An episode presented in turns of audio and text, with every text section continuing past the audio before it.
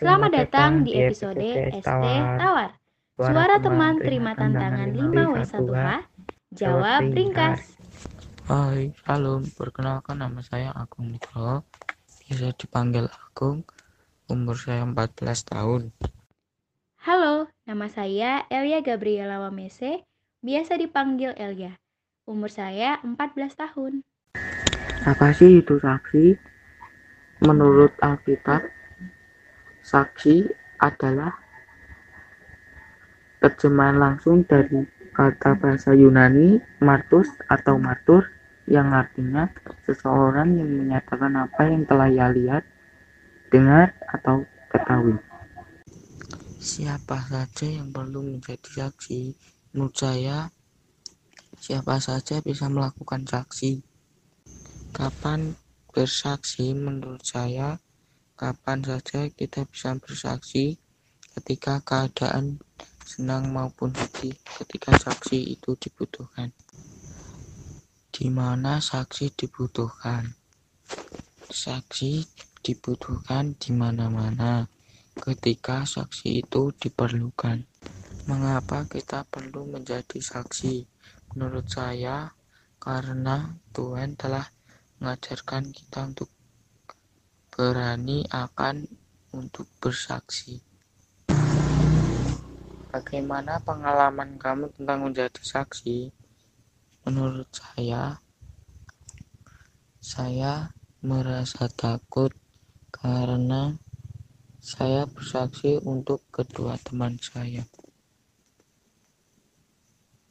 Bonus pertanyaannya adalah ceritakanlah tentang Pentakosta. Menurut saya, Pentakosta atau Minggu Putih adalah hari raya Kristen yang memperingati peristiwa dicurahkan Roh Kudus kepada para rasul di Yerusalem yang terjadi 50 hari setelah kebangkitan Yesus Kristus. Pertanyaan pertama. Apa sih Injil itu? Menurut saya, Injil adalah suatu hal mengenai pemberitaan tentang kabar baik. Pertanyaan kedua, siapa yang membuat dan perlu Injil? Menurut pendapat saya, yang membuat Injil adalah Tuhan Yesus, dan yang menyebarluaskan dan menulisnya adalah para penginjil yang dipilih oleh Tuhan. Dan siapa sih yang perlu Injil? Yaitu kita yang mendengarkan kabar baik tersebut, dan terlebih khusus yaitu remaja Kristen. Pertanyaan ketiga, kapan Injil dilakukan? Menurut pendapat saya, Injil dilakukan atau disebarluaskan pada zaman dahulu. Dan jika konteksnya kapan kita melakukan Injil, itu kita harus lakukannya setiap saat. Pertanyaan keempat, di mana Injil ada? Menurut sepengetahuan saya, Injil terdapat dalam Alkitab. Pertanyaan kelima, mengapa Injil perlu untuk remaja Kristen? Karena dengan adanya Injil atau kabar baik, bahkan kabar positif ini, berpengaruh dalam tumbuh kembangnya para remaja Kristen. Dengan adanya Injil, kita semakin memperdalam hubungan kita dengan Allah. Pertanyaan keenam. Bagaimana pengalaman kamu mengenai Injil? Pengalaman saya lebih kepada memberitakan Injil. Sebenarnya pada umumnya, memberitakan Injil hanyalah seperti memberikan memberitakan lewat khotbah di persekutuan di sekolah minggu, di persekutuan teruna, di pemuda, dan masih banyak persekutuan lainnya. Dan itu secara umum. Dan menurut saya, pemberitaan Injil yang mungkin bisa kita lakukan adalah dengan kesaksian kita. Seperti kalau misalnya ingin memberitakan Injil, mungkin bisa lewat talenta kita. Dengan itu kita bisa menyebarkan kabar baik, mungkin karena lewat nyanyi kita bisa kasih tahu ke banyak orang bahwa sebenarnya Tuhan itu baik loh sama kita. Sebenarnya kabar baik ini bagus loh untuk kita, untuk memperdalam hubungan kita dengan Tuhan, dengan orang-orang di sekitar kita, dan itu bagus untuk hal-hal rohani kita. Dan pengalaman saya mengenai Injil ini sangat-sangat berdampak positif, yang di mana awalnya saya dulu kecil, yang sebenarnya dekat sama Tuhan, akan tetapi saya hanya mengharapkan hasil. Dan sampai sekarang saya diingatkan. Dan lewat episode kali ini saya sangat bersyukur karena diingatkan kembali untuk menyebarkan kabar baik.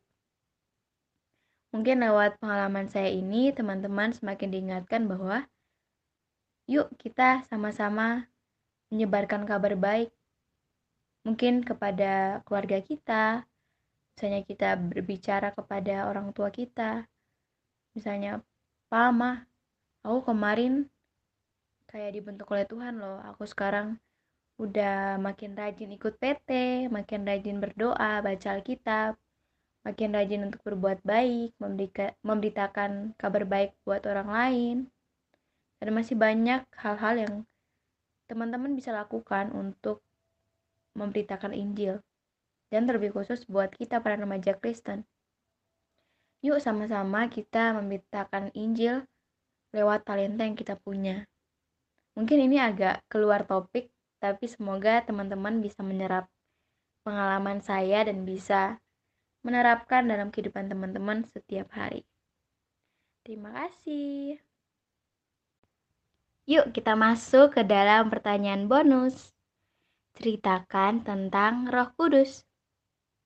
Daripada kita dengar pendapat dari saya, yuk kita simak pendapat atau ulasan dari sumber internet, yaitu dari id.m.wikipedia org yang menyatakan bahwa Roh Kudus adalah pribadi Tuhan yang konsepnya Tritunggal. Siapa sih sebenarnya Roh Kudus?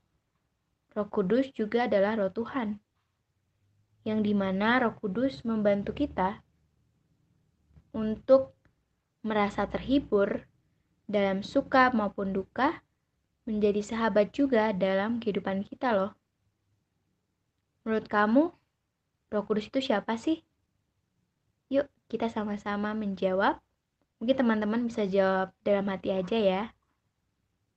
Nah, aku saya bakal lanjut. Roh Kudus itu juga adalah roh Tuhan yang ada dalam diri kita juga. Jadi, teman-teman jangan khawatir. Roh Kudus adalah roh yang selalu memimpin kita untuk selalu mendekatkan diri kita kepada Tuhan.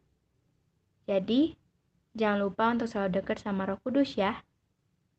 Es tawar seger, suara teman terima tantangan, tantangan 5W1H, jawab ringkas, selalu greget. Sampai jumpa. Sampai bertemu di episode berikutnya. Dadah. Dadah.